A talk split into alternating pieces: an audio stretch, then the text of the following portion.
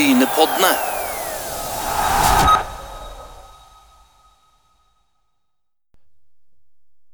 Øystein Nygaard og Asker Auland ønsker deg hjertelig velkommen til denne Brynepodden. Litt dypere lyden av sport. Og vi må først av alt takke så hjerteligst for alle som støtter oss på VIPS nummer 610828. 610828. Har du ikke gjort det ennå, så setter vi pris på støtte for denne Bryne-podkasten Den er drevet av oss uten noe som helst støtte fra noen. Uten de flotte mm, Eh, så kjøper reklamepakke av oss. Det setter vi stor pris på. Så det er bare å kontakte oss hvis dere kjenner noen eller har lyst til å bidra utover vips nummeret som da var 610828. For uten Vips og støtte fra næringslivet, Asker, så blir det ikke så mye Brynepod. Nei, det gjør det ikke, og iallfall ikke noe interessante Brynepod. Da blir det meg og deg som sitter og reeller, og det vil vi helst ikke ha noe av. Det er ikke så utrolig spennende, men vi skal fortsette med, vet du. Og i dag så har vi Thomas Langholm Engen, eh, daglig leder i Klepp eh, idrettslag. Og det er klart, i Klepp så er det vel ikke mm, rosenrødt der heller etter, etter nedrykket. Nei, altså de er jo en helt ny situasjon. De har jo vært i det som heter toppserien eh, etter hvert hele veien. Så det blir spennende å høre hvordan de ligger an nå, og hva de tenker framover. Ikke minst det. For eh, det virker som de har litt tid, iallfall, og de stresser ikke for mye. Men det får vi høre hva Thomas har å si. Ja, så må vi jo bare si det. Vi ser litt på tabellen. I andredivisjon så leder jo Viking eh, på jentesida med sju seire og, og er suverene. Og det blir jo løye å høre på om, om det er Viking som de kommer til, til å slå seg sammen, eller, eller, eller om, om de bare fortsetter sånn som så, nå og satser på å komme tilbake. Så kan vi òg nevne i samme divisjon ligger Bryne på, på en fjerdeplass med eh, ni poeng bak, så de klarer nok ikke noe opprykk sånn eh, med en gang. Men, men hva tror du? Blir det Klepp og Viking om noen år? Eh, det er mulig, det er mulig, men det beror litt på hva Klepp tenker framover, og hva de klarer å få til. Nå er de jo ganske mye bedre. Det er jo ganske stor forskjell i divisjonene der, så, så litt eh, sterkere enn på herresida, vil jeg tro. Så vi får høre hva, hva Thomas sier og hva han tenker, og så skal vi òg ha med oss eh, en liten oppsummering. Øystein. Det skal vi med Mikkel Bjørnstad i Bryne. Nå jo, hadde jo en fryktelig start, men nå har de vel gått fem kamper uten tap, så der er de på vei eh, oppover. Men det var det. Vi tar en ørliten pause, og så er vi tilbake med Mikkel Bjørnstad. Sist vi hadde Mikkel Bjørnstad på tråden, så var, så var Mikkel ikke så, så, så blid, skulle jeg til å si. Da var det seks tap på rad, men, men Mikkel, eh, det har snudd. Det har snudd, og det var hyggeligere å våkne opp i dagen enn etter Mjøndalen-kampen, for å si det sånn. Så det er, eh, så det er godt, og det tar vi med oss en god, god følelse inn i en liten ferie nå. Ja, Asker, du hadde jo et, et, et godt eh, bilde på, på, på dette med å bygge hus. Det kan du ta. Ja, jeg, jeg sa det eh, at for, hvis du skal bygge hus, må du først grave et grevlig hull, og så får du opp grunnmuren, som jeg føler Mikkel og Kevin og, og resten av gjengen har fått til nå. Og så må du begynne å bygge holdt på å si, bærevegger og, og, og sette opp huset. og så til slutt så kan du begynne å møblere, og der er vi vel litt unna ennå med møbleringa, Mikkel. Det er fremdeles byggeprosessen som pågår. Ja, vi har i hvert fall laget et eh, Vi starta med å lage et stort nok hull, i hvert fall. Så det blir en, det blir en stor kjeller på det huset som, som skal stå godt i mange år. Uh, så vi er helt, helt klart i gang, og vi, vi eh, Det var en voldsom opptur i, i går, så det var gøy. Og det, det har, har gruppa og, og klubben fortjent. Men hvordan var det du jobbet inn mot oss for, for å snu det på en måte? Er, er det noen sånne konkrete ting som du kan, du kan fortelle lytteren? Det er, jo, det er jo det vi på en måte um, Det er liksom viktig at vi ikke begynner å vakle for mye de periodene som, som det går, eh, går dårlig. Um, at vi begynner å gå vekk fra, fra, det som er planen og det vi har trent på i flere måneder. Og, og uh, slutte å tro på oss selv eller å ha mot til å tørre å gjennomføre den planen vi, vi har troa på. Da.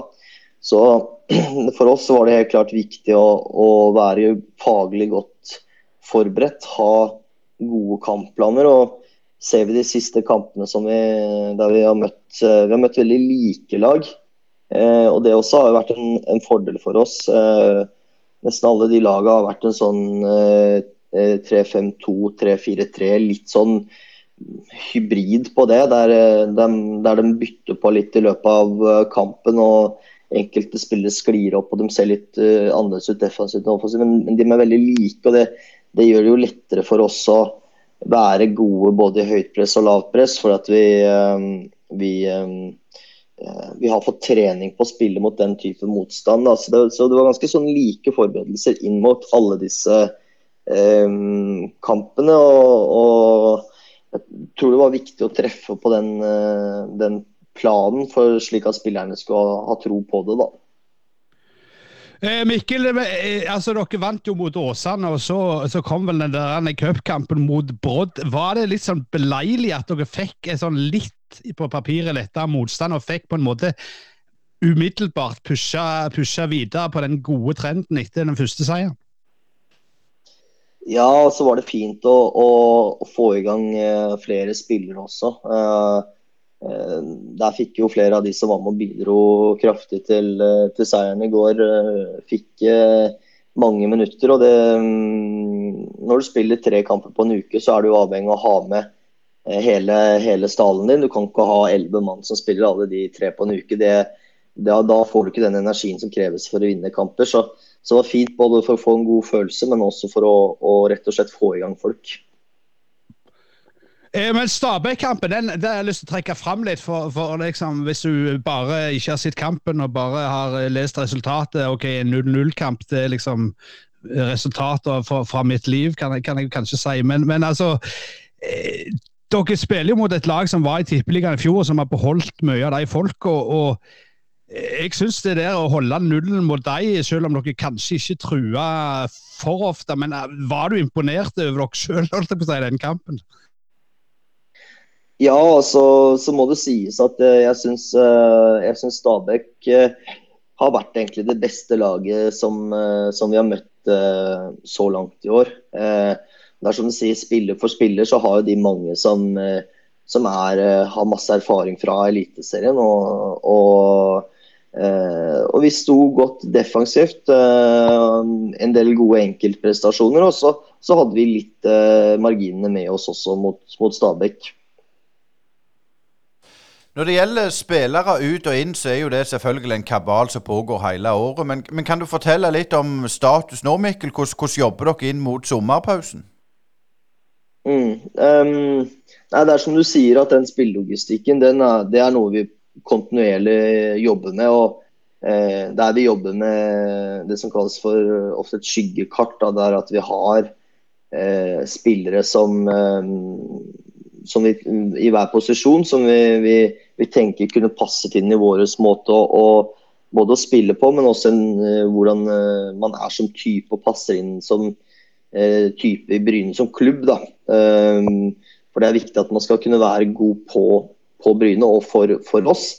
Og så er det jo, som dere vet, det er jo ting som skjer i, i overgangsmarkedet. Enten så er det jo vi som ønsker noen spillere, eller så er det jo noen som ønsker våre spillere, og som gjør at vi kanskje må kaste oss rundt og, og, og forsterke, forsterke eh, stallen. Så, så der, skjer, der, skjer, det på en måte ting eh, Der kan ting skje fort. Eh, men da er det viktig at man har gjort et godt forarbeid, sånn at eh, vi står der og så mister vi en spiller f.eks. og så ikke står der på, på bar bakke og ikke veit eh, om type vi har lyst til å ha inn. Så det, så, det, er en kontinuerlig prosess som, som hele tida um, går. Eh, men, men, du sier at typen skal, skal passe til Bryne. Nå, nå er det spilt en tredjedel av sesongen for, dok, for deres del. De, andre, de, de, de, fleste andre lag har jo en kamp mindre. Men for din egen del, etter et drygt halvår på Bryne, Mikkel, eh, er det noen ting som, som du har på en måte sett som er annerledes enn det du hadde trodd på forhånd?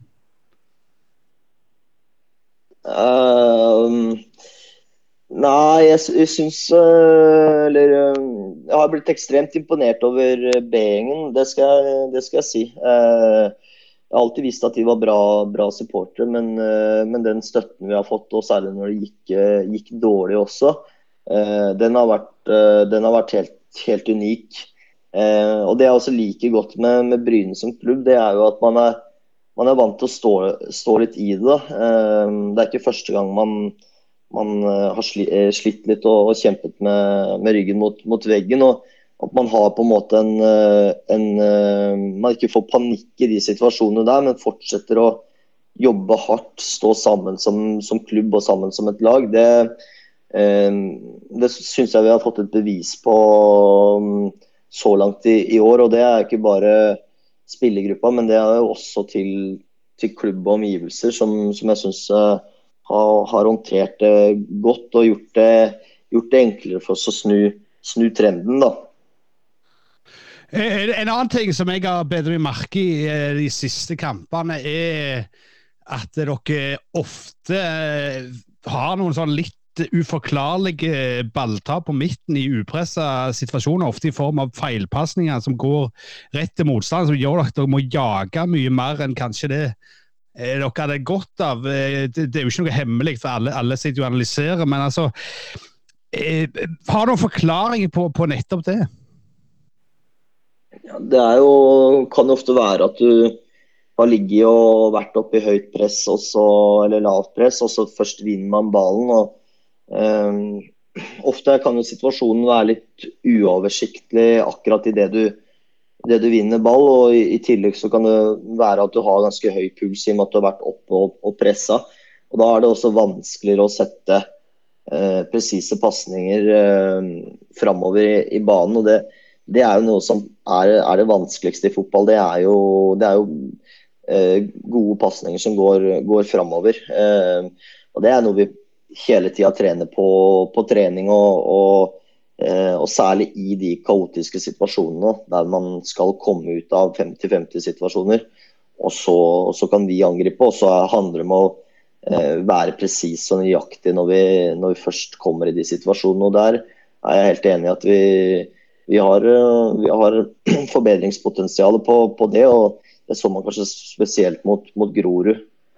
Men, men, dette trener vi på hele, hele tida, så det Men det er, rikt, det er, riktig observert. Eh, nå det jo, åpner jo dette overgangsvinduet, og dere har to spillere på lån. vel, Albert Braut Kjåland fra Molde og Haidara fra KBK. Mm, Hvordan er situasjonen der? Er det noe nytt? Blir det fornya lån, eller vet du noe? Eller kan du si noe? Um, Albert har, uh, har, lån nå først og fremst um, til, til, sommeren. Og um, vil nok reise tilbake til, til, Molde. Albert er en uh, kjempespennende spiller og en uh, utrolig profesjonell kar som kan, kan nå så, så, langt han vil.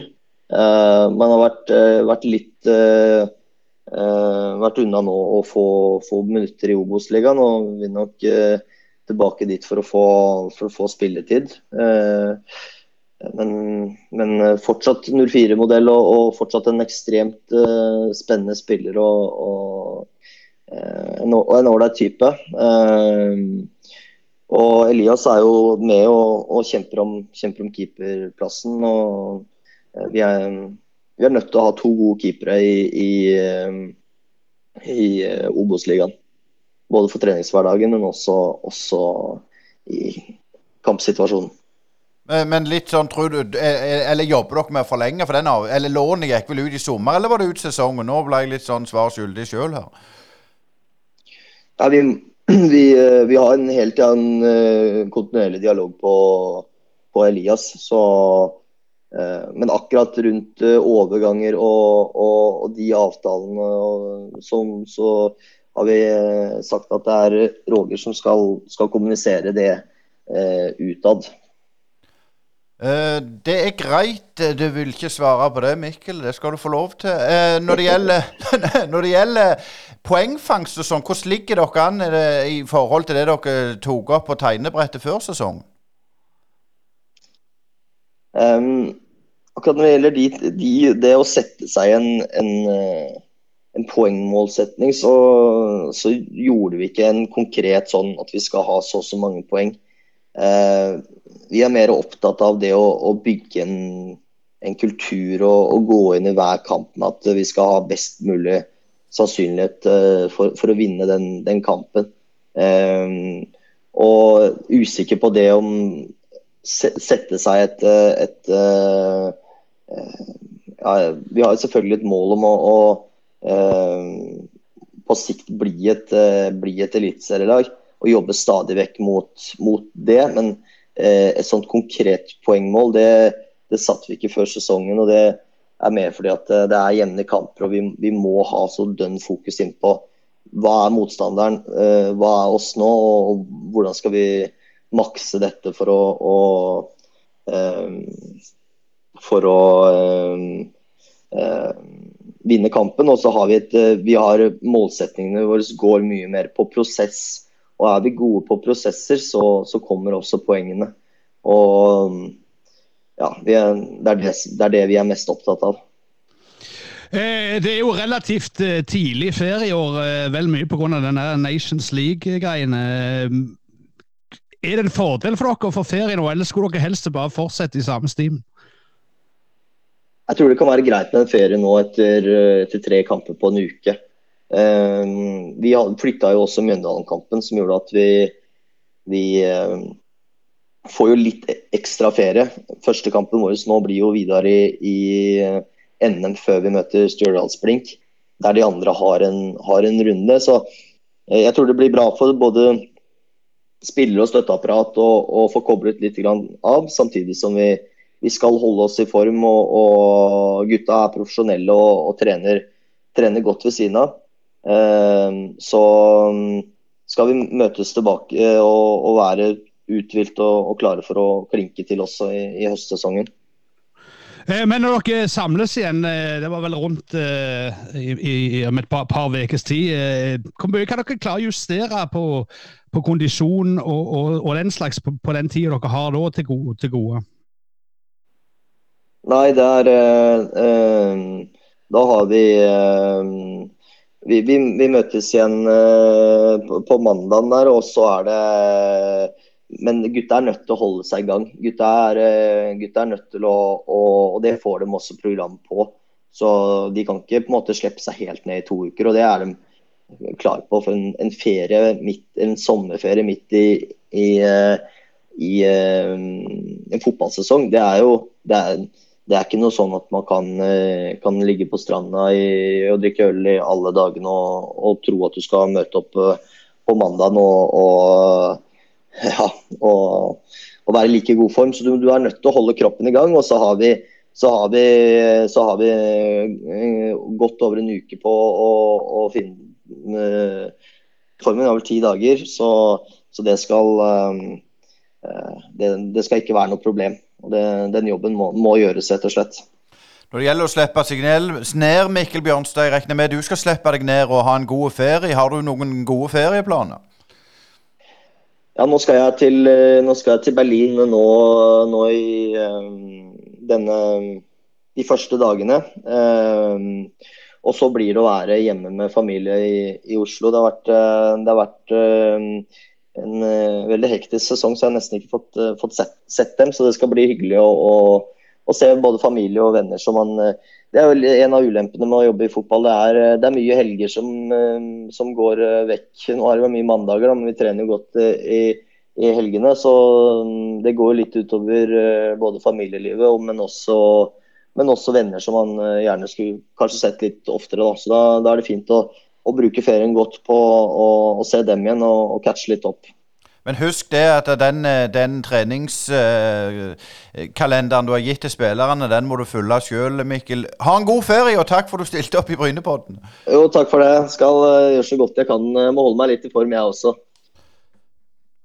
Ja, i dag i Brynepodden så skal vi øve litt på jentefotball. Og sist vi hadde Thomas Langholm Engen, så var han sammen med Viking sin daglige leder i Eirik Bjørnø. Og da snakket vi litt om sammenslåing. I dag skal vi snakke litt videre om Klepp. Og, og må få si velkommen igjen, Thomas. Uh, long time no see.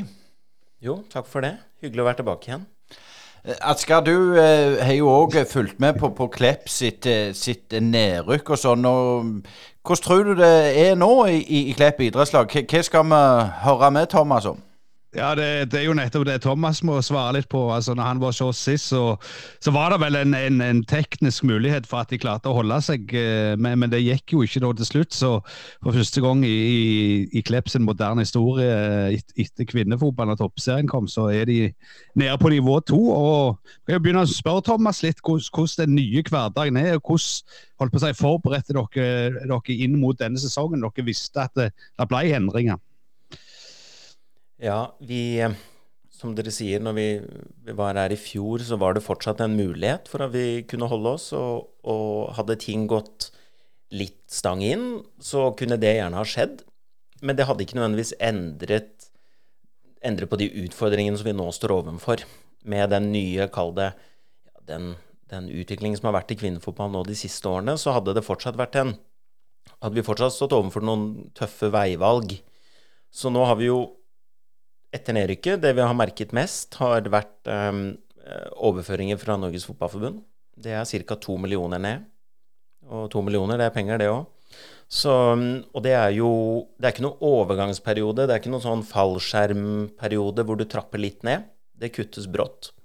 Så var vi veldig heldige når vi var på sponsortur på høsten i fjor. Så var det samstemt i, i sponsornettverket at om, om damene rykker ned, så, så rykker nettverket heller opp.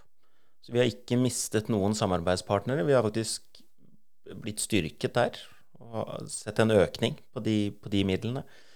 Og det er veldig, veldig positivt, og det er vi veldig, veldig glad for. Så, men det er klart, når vi nå er i førstedivisjon, i et ganske komplekst seriesystem, som vi kommer litt tilbake til etterpå, så, så, merker man det på hverdagen, og man merker det også når, når vi er ute og reiser, at man møter, møter litt andre litt andre lag, litt andre organisasjoner. De er mindre, mindre organisasjoner med litt Det er nok Jeg tror nok jentene føler på det, at det, er, at det også er et steg ned på det profesjonelle eh, i, i, i ligaen. Hvis du tenker på, på organisasjonen nå i Klepp idrettslag, har dere opprettholdt eh, på en måte mannskapet? Du er jo fortsatt daglig leder, men, men har dere på en måte Dere har ikke kutta der? Nei, vi har, eller vi har kutta på vi har, ikke, vi har ikke to fulltidstrenere rundt A-laget. Vi har en hovedtrener, Ove Salvesen. Og så har vi fortsatt utviklingsansvarlig 100% Vi har en spillerutvikler 100% Så har jo Kenneth Eidsaune kommet inn som, som, assistent. Og er med Han er jo ikke ansatt fulltid, men han bruker veldig mye tid. Asgeir Kleppa skulle være med én dag. Han er der fem dager i uka, selvfølgelig. Og vi har med, vi har med Ove Sele, vi har, og vi har keepertrener, så vi har jo vi har flere ansatte Vi ligger godt over snittet i førstedivisjon. Så, så spillerne er godt ivaretatt på den måten, men vi måtte gjøre noen kutt. Og, og de kuttene kan Det er en mulighet for at de kuttene må, må bli mer drastiske uh, i de kommende årene. Eh, men Thomas, altså rent eh, sånn eh, spekulativt, altså kontrafaktisk, så, så, kunne jo Vikinger rykke opp og spilt i samme divisjon som dere. Nå skjedde ikke det. Så, så, på en måte ble dere jo på en, på en måte berga av gongongen med at dere fortsatt er det beste laget Eller det beste laget i sørfylket, for å si. Avaldsnes er jo fortsatt i, i toppserien. Ja, det hadde jo selvfølgelig blitt et, eh, et klart konkurranseelement om Viking hadde rykket opp. Um, det er klart Vi ser jo den utviklingen som har vært i, i kvinnefotballen i Norge de siste årene, har vært, har vært eh, det, det, har gått unna som et, som et rakettog. Men vi ser jo, selv om, første, selv om toppserien selvfølgelig holder et høyere nivå, så har nok utviklingen i førstedivisjon vært vel så høy, om ikke en god del høyere. Altså Vi ser at kvaliteten på lagene der er, er høy. Før så var det jo rykke ned. Det var litt som å kjøre inn en blindvei. Så du snudde igjen, og så dro du opp igjen. Men eh, Så jeg tror nok vi, så klart Viking også ved et potensielt opprykk hadde jo måttet styrke eh, det økonomiske rammeverket for sitt lag ganske betydelig. Sånn at, eh, men det hadde jo vært en, selvfølgelig en utfordring for oss i forhold til spillelogistikk fra, fra yngre alder. men de kommer jo til å rykke opp, Viking. Mest sannsynlig i år. Eh, kan du si litt om, om, om laget i år? For det, Vi var inne og diskuterte dette litt med Øystein, eh, Øystein her på kammerset her tidligere. Med, jeg klikket meg, meg gjennom lagoppstillinga og, og, og, telte jo eh, tre spillere, da, keeper, høyrebekk og, og, Hege Hansen i spiss, som, som var over, over, 20 år. Og, Hege er jo sånn hjemvendt datter som liksom har tøya det på en måte eh, strikken så langt så det går an å tøye som toppspiller omtrent. Men, men, det er jo veldig mye ungt i dette laget. Det, har det noe med nedrykk å gjøre, eller er det bare sånn ståa er nå i Sør-Rogaland at det er vanskelig for folk som er sånn midt i 20-år til å spille for noe? Det har litt med nedrykk å gjøre, men vi ser at dette har vært en utvikling som har gått, som har gått over tid i, i, Klepp. Nå er det sånn at nå har vi en snittalder på 19 år, og det er, er 2,30. Sånn at hadde du tatt ut de to 30-åringene, så hadde jo snittalderen vel nesten vært under 18. Og det gjør jo at du får eh, Vi har mye talent. Jeg tror OK, vi det er kanskje, Mange vil kanskje si at man mangler en, en Tuva Hansen eller en Elisabeth Herland. Men den, den, bredden av talenter i den troppen som er nå, er nok det beste jeg har sett i de ti årene jeg har vært i Klepp. Så det er veldig, veldig bra. En, de holder et høyt nivå. Men det er klart, unge spillere Det er jo dette skjedde jo litt i fjor, og, og, det blir noe og Vi ser det samme dynamikken oppstå i år, at du skal ha 18-åringer som skal være bærebjelker i et lag, eh, hvor vi møter hvor vi møter lag som er eldre enn oss og har da mer rutine, ofte mye rutine fra toppserieklubber. Så er det en grunn til at de spillerne ikke spiller de toppserieklubbene i dag. Men det er spillere som har lang fartstid. Så Sånn sett så er det en utfordring, og vi er veldig heldige som har Ove Salvesen som trener, som har jobba mye med unge spillere og forstår dynamikken med unge spillere. Og spesielt de siste par kampene nå så har jeg vært veldig veldig imponert over den modenheten som, som de har vist. Men vi hadde i Når vi, når vi spilte i toppserien 2018 og 2019, så hadde vi Så var spilletiden i Klepp for de over 20 år var 78% Så spilletiden, altså antall minutter spilt, var 77 og 78% de to årene. Det har gått ned til 52 og 33 Så i år så er spilletiden per Det var for to uker siden. Så var det 33% av spilletid for Klepp Elite var av spillere over 20 år. Det er krevende. Det er veldig krevende. Men sånn med, med, med fasiten i hånd eh, Dere visste jo dette i, i fjor, når, når, dere på en måte lot dessen gå, Tuva og, og, og Elisabeth Herland bl.a. Er, er, er, det noe dere ser etter at dere skulle gjort mer for å beholde de ut sesongen, eller, eller var, det, var, det, på en måte kjørt? Altså, Tuva og, og Tærland dro jo etter, etter 2020-sesongen. Eh, da, da var de på utgående kontrakter de hadde selvsagt tilbud om å være med videre. Eh, på Nå vet ikke jeg hva de, hva de har av lønn i Brann i dag, og det er for så vidt ikke så interessant, men, men de ble tilbudt det som jeg vil, jeg vil si, og jeg tror de fleste andre vil si, var gode kontrakter. Så, men ingen kan jo si at Mille Aune, Martine Østenstad, Tuve Hansen og Elisabeth Herland, som alle har gått til Brann Man kan jo ikke si at de har gjort det feil. Det har jo åpenbart vært en suksess for dem. De vant jo i fjor, og, og det er ikke uvant at spillere søker nye utfordringer. Det er ikke uvant for Bryne sitt herrelag eller Viking sitt herrelag. Så det, det, er vår jobb å erstatte de. Men vi ser at i, i Klepp har vi hatt en sammensetning mellom noen av de beste unge spillerne i landet. Det har vi jo bevist på Jenter 19-NM og på aldersbestemte landslag. Noen rutinerte, og i tillegg hente inn en del utlendinger det man har sett nå de siste årene, ikke bare for Klepp, men for toppscener generelt, at man henter utenlandske spillere på en helt annen hylle enn det man gjorde før. Nå sliter også Brann, Vålerenga, Rosenborg. De sliter også med å hente veldig gode spillere fra utlandet, for de er ikke interessert i å komme til Norge. Ikke fordi de skal tjene mindre, men fordi ligaen har falt på, på rankinger. Det scorer veldig dårlig i forhold til å få en potensiell arbeidstillatelse i England i fremtiden. Det gir vel dobbelt så mange poeng å spille i den svenske ligaen som i den norske. Og nå har det jo blitt sånn etter brexit at man, man må jo ha, ha, spilt i en så og så god liga og så og så mange landskamper for å få arbeidstillatelse der. Sånn at man ser at um, den norske ligaen seiler akterut. Og da har Klepp definitivt blitt et offer for det.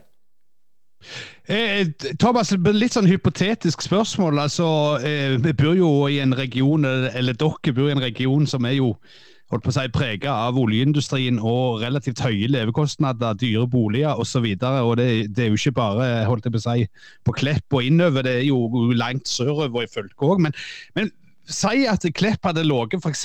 i Grimstad eller, eller, en plass som, som det ikke er så mye press i arbeidslivet og, og lønningene er så høye. Hadde det vært lettere å trekke til seg jenter til å spille for dere da, eller er det liksom dette universitetsfenomenet som gjør at de trekker til Oslo og Bergen uansett? Nei, altså, vi, vi, ser jo at eh, nå er jo toppserien blitt ganske Oslo-region-dominert. Altså, det er ikke så mange, nødvendigvis så mange klubber fra Oslo bykjerne, men, men Oslo-regionen. Og det er jo ganske høye levekostnader der òg.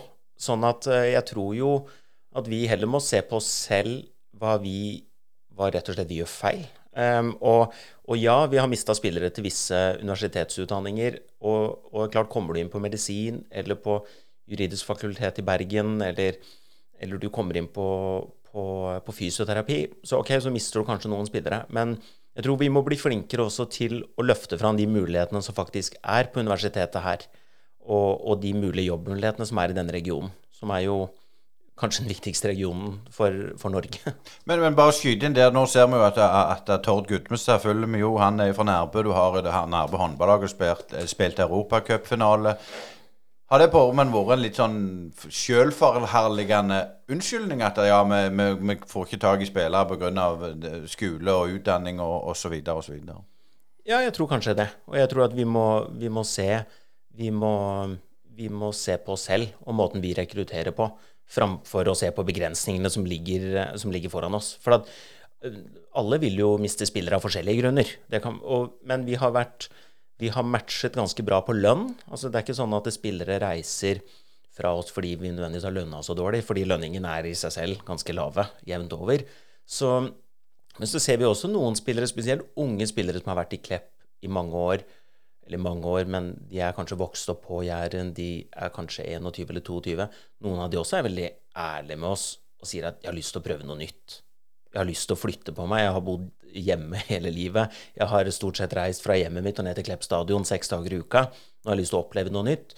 Eh, jeg kan ikke legge av noe penger fra å spille fotball. Sånn at, og det er for så vidt helt fair.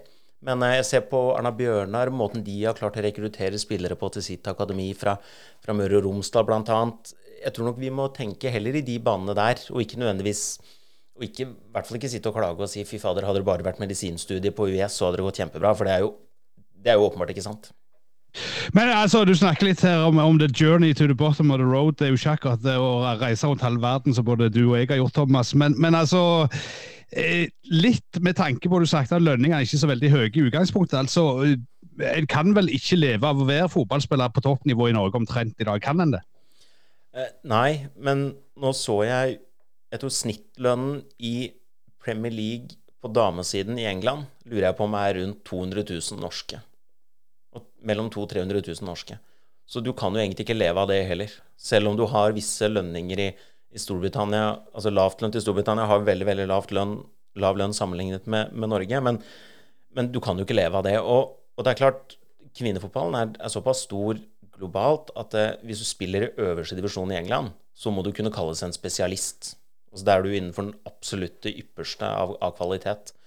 Og, men da er det jo fortsatt ikke mulig å og En ting er om du kan leve av det, men du kan ikke legge av penger i ettertid. Så sier du du skal bruke ti år da, av arbeidslivet ditt på så vidt holde deg, eh, holde deg over vannskorpa. Og Det er derfor jeg i hvert fall har vært veldig veldig kritisk når vi har fått høre på samlinger i Oslo, og folk har prata om at spillerne må få, få, spille mer fotball, studere mindre, jobbe mindre. Jeg tror ikke du blir noen dårligere fotballspiller i, Klepp hvis du studerer på universitetene.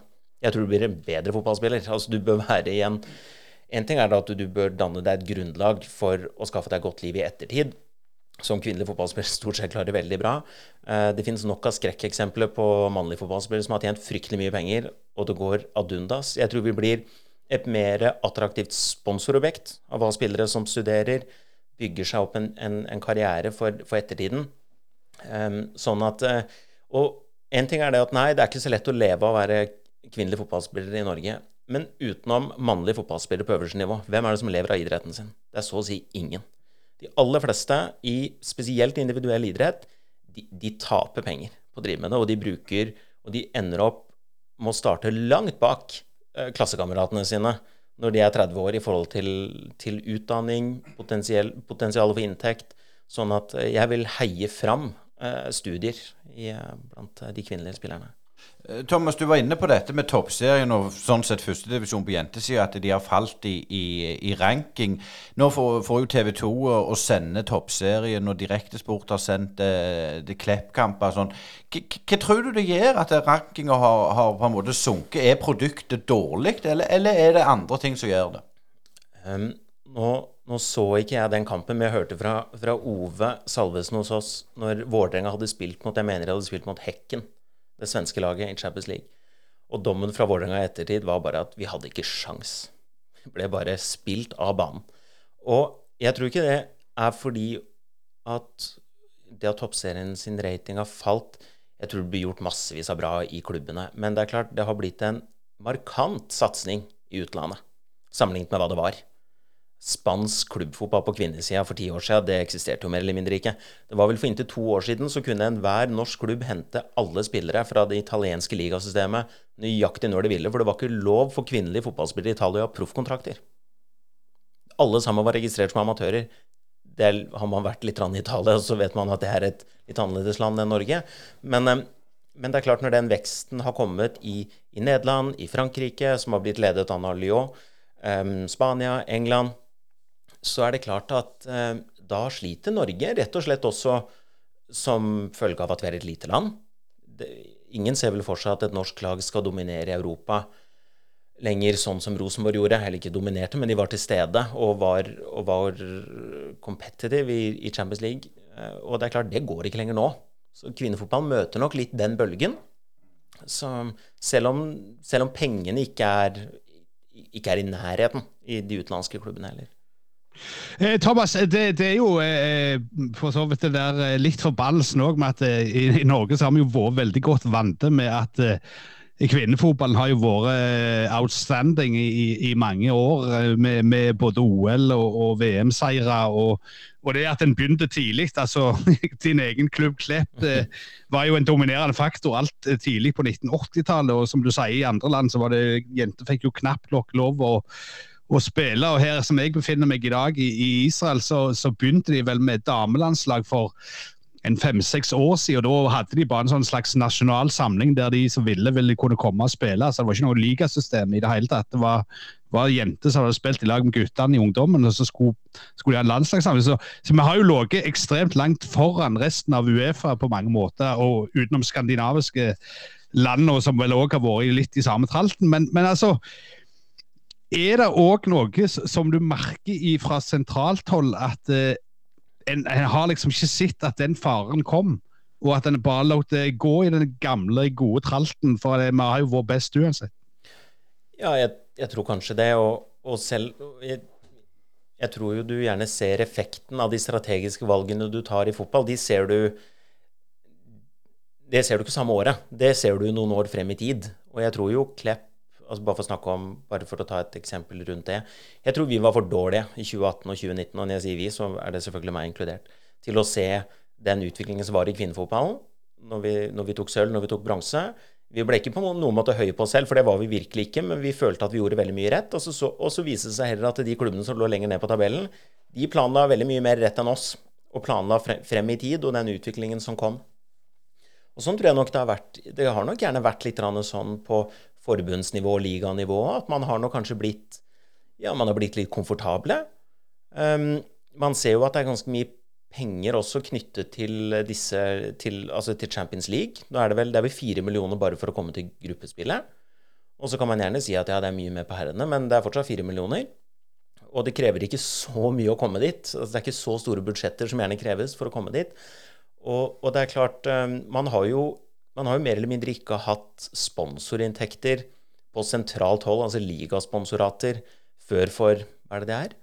Fem-seks år siden, når toppfotball kvinner selv begynte å selge var, selge ligaprodukter, for markedsavdelingen i NFF sa at det ikke hadde noe verdi. Og så gikk jo toppfotball kvinner ut og solgte det for 20-30 millioner de første månedene etterpå. Så det var jo veldig spesielt. Så, så um, de samme folka jobber jo i markedsavdelingen til NFF enda, så de kan jo, burde jo egentlig svare på det. Men når du ser på, på toppserien, så har du jo Brann, Vålerenga, Rosenborg, Stabæk, Lillestrøm, Lyn, Kolbotn, Avaldsnes, Arne Bjørnar Røa. Altså Brann, Vålerenga, Rosenborg, Stabæk, Lyn. Lillestrøm det er jo kjente kjente lag på herresida. Eh, nå, nå, har vi sett det tidligere nå at Raufoss sliter på herresida enormt. De går mest til snart konkurs. Mm. Øygarden er vel òg konkurs nå, når vi snakker. Ser du noe av det samme utviklinga på, på jentesida, at de satser over evne? Ja, jeg ser i hvert fall når man, når man leser, når man leser årsmeldinger um, som er en spesiell hobby, å sitte og lese årsmeldinger fra toppserien, men når man i hvert fall gjør det, så ser man jo at uh, budsjettene går opp, og, men det er gjerne en større prosentvis økning i lønn enn det er prosentvis økning i budsjettet. Så vi ser personalkostnadene går opp, og det får jeg også høre fra NFF sentralt, de som jobber med økonomien der og lisenser der, at de også er de registrerer det. De, de, skal ikke gjøre noe tiltak mot det, men de er litt bekymret over at eh, lønnskostnadene stiger. Altså du, Går du fra 10 til 15 millioner i budsjett, så er det en veldig veldig enkel dynamikk i at da er det lønna som, som, tar veldig mye av det. Og, og, nå ser vi jo, det var jo rapporter om at Kolbotn slet veldig. Um, de er jo en del av et av de aller største idrettslagene i, i Norge. Men, og de, de, måtte sette inn ganske drastiske tiltak. Um, og, og, jeg, og, det er klart, sånn som nå, når, vi, når det blir dyr... Jeg må bare avbryte det, for Emma Braut Brunes gikk jo til Kolbotn. Mm. Hun fikk jo sikkert en god eh, avtale der. Men, men det ser vi litt sånn at de, de på en måte Nå satser vi remme og tøy, og så ser vi om det går. Ja, jeg, altså Uten å gå på ingen måte gå inn i detaljene på hennes avtale, så, så vet jeg, så, så vet jeg sånn cirka hva det er. Og, og, det er klart, klubber de betaler mer og mer, fordi når det nå kommer henvendelser på spillere, så kommer det ikke fra én klubb, det kommer fra fire klubber. Ikke sant? Og, og, da er det gjerne da er det rett og slett sånn at lønn er selvfølgelig en viktig faktor i hvilken klubb du velger. Og det, det ser jeg ikke på som noe negativt. Altså, det er helt lov, for det gjør folk i arbeidslivet generelt. Men vi ser nok at det satses noe over evne. Og så er det jo sånn at veldig mange fotballklubber, eh, ikke alle, men veldig mange, er på en måte litt konkursvernet. Det er ofte noen som, som sitter i bakkant, enten det, er, enten det er kommuner som er veldig positive for idrett, eller det er, eller det er en, en rik onkel for å si det sånn, eller en bedrift som gjør at ok, når det velter, så er vi inne og redder igjen og får skuta opp. Jeg tror ikke det nødvendigvis skjer med Kolbotn, men, men, det skjer jo med en del klubber. Og det ser vi at uh, du kan gjerne få et sånt rikt onkelskille, på samme måte som det jo omtrent ikke fins britiske eiere igjen i Premier League. Ikke sant? Det er jo stort sett uh, ja, litt sånn, hva skal man si, sånne proxykriger mellom arabiske stater. arabiske stater, amerikanerne. Men eh, det jeg lurte på, Thomas, er jo før vi, før vi hopper litt videre med, med dette hobbyen å lese årsmeldinger Nå leser ikke jeg så mange som du gjør, men jeg leser de, jeg òg. Ikke, ikke, ikke, nødvendigvis på toppserien, men, men der er jo er mye interessant du kan finne ut om dine rivaler og motstandere med å lese en årsmelding, hvis du kan tallene. Eh, men, men, det jeg lurer litt på, eh, før, vi, før, før, vi, går videre inn på dette med økonomistyring, og sånn, så du har jo hatt ganske bra kontroll på, er, er det noen spesiell grunn til at Klepp har så unge snittalder? At det ikke er noen sånn 3-4-25-åringer som spiller for dere lenger? Er, er, det noe spesielt, eller er det bare tilfeldig at eh, de som har vært tidligere, har på en måte hoppet videre og, og funnet seg andre ting å gjøre?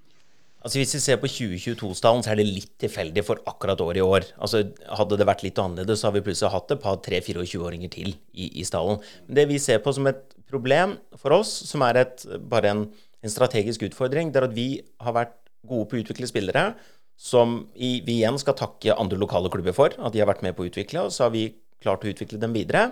Og så når de er gode nok, så ender de opp med å dra til andre klubber. Det er litt sånn, det er en veldig generalisering, men det er ganske enkelt sagt. Ser man på landslaget Norges A-landslag nå, så er det ganske mange tidligere Klepp-spillere på det laget. Vår utfordring er å finne modeller og et rammeverk som gjør at de spillerne har lyst til å bli. Den gangen de spillerne blir kontakta av Lyon, fantastisk. Ingenting hadde vært bedre enn det. Men vi må, vi må legge til rette for at, eh, for at, spillerne skal bli værende på Klepp til de når Kall det toppen av karrieren, eller midten av 20-årene, for å bare ta et tall. Men sånn for Klepp sin del, eh, ja, skal du skal ha, få et til? Eh, all ære, til, til farser på Klepp, eh, men, men Lyon har jo selvfølgelig bedre mat. Men, men Thomas, du, du som har vært eh, denne, denne, typen som på en måte har litt sånn, Du har jo gått litt stilt i dørene. Du har ikke vært veldig eh, holdt på å si brauten utad, men du har, du har holdt steinkontroll på, på, økonomien og holdt klubben i grønn sone i, i årevis. Eh, har, gang, har, du noen ganger følt at det har vært press på at du skal slippe litt mer opp, og at dere skal gjøre de der eh, litt sånn baluba-vendingene for å ta, ta gull. Har du, har du, kjent på det noen gang i, løpet av de årene du har vært i Klepp? Ja, altså En trener som ikke har lyst på høyere spillebudsjett, er jo en umotivert trener. Altså, Det er klart, vi har jo, det er jo alltid noen kamper på kammer som det. Og så må jeg si at vi har hatt et veldig veldig godt styre, har hatt og har veldig godt styre, som er, og veldig veldig dyktig kasserer, som er en større grunn enn meg til at vi har vært, vi har vært i grønn sone. Det må jeg si. Men i forhold til Som vi har prata litt om, vi internt hos oss at ja, vi har vunnet mye Jenter 19-gull, vi har vært i vi har holdt oss denne grønne sonen og sånne ting. Men det er ikke nødvendigvis det som får noe nasjonal oppmerksomhet. Det er jo ingen fans som står med trampeklapp om grønn sone på tribunen. Folk er interessert i, i seriemedaljer og, og, spill i Europa.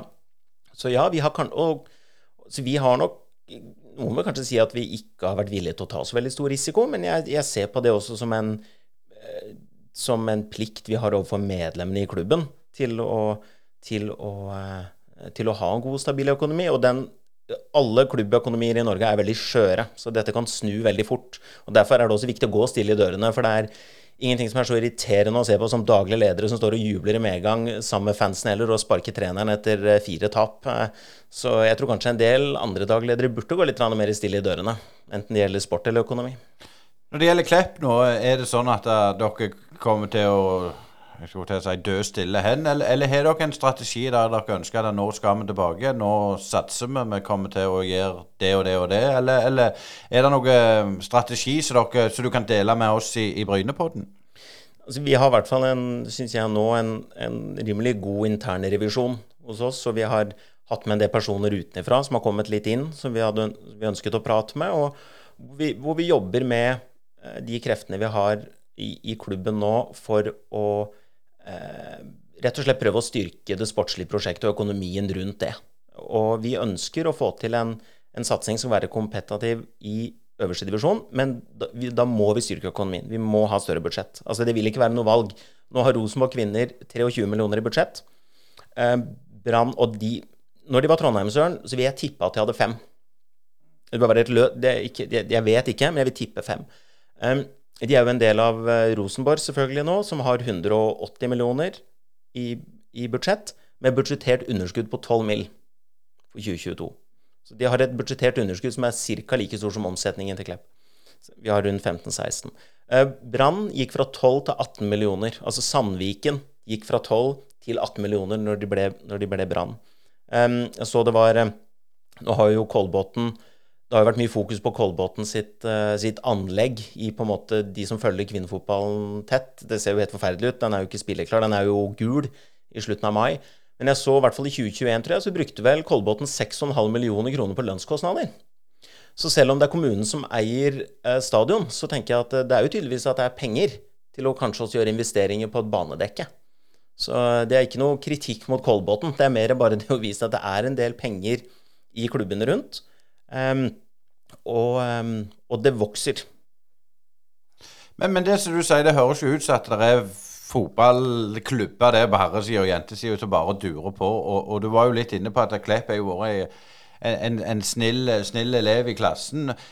Men så nå er det sånn at dere skal Skal dere bli litt mer noisy nå framover, eller, eller, eller, kommer dere til å kjøre på, på sånn dere har Jeg var ikke helt fornøyd med svaret, sa du. Nei, altså Det som i hvert fall er Vi har jo et, har et veldig bredt sponsornettverk i, i Klepp som bidrar med, med, mye penger, og som er den viktigste inntektskilden vi har. Det som, men det som vi ser, er at vi trenger eh, Altså Klepp Elite, som en del av Klepp idrettslag, trenger rett og slett en god del mer midler for å kunne være kompetative over tid, og for å kunne rykke opp. Og, og det, jeg sier ikke at vi ønsker, vi ønsker på ingen måte å rykke ned i fjor, men hadde vi, ryk, hadde vi, holdt plassen i fjor, så hadde vi sittet og hatt akkurat de samme diskusjonene internt som det vi har nå. Selv etter at vi rykka ned. For det er, en, det er en, en, så stor økning i kostnadsbruken hos de andre klubbene at vi må rett og slett finne ut hvordan vi skal håndtere det. Når vi tok sølv og bronse, så hadde vi vel det tredje-fjerde høyeste budsjettet i ligaen. Så har vi dessverre stått stille, mens andre har tatt oss igjen. Sånn at eh, om vi ikke klarer å styrke det det produktet, og spesielt da det kommersielle, og kampdagsinntekter, så vil det ikke være en elitesatsing på Klepp om noen år. Det, å si noe annet vil være absurd. Og det må vi også være åpne på å si. Det må ikke være redde for å si det. Så, men vi skal gjøre alt i vår makt for at vi skal klare å, å ivareta det.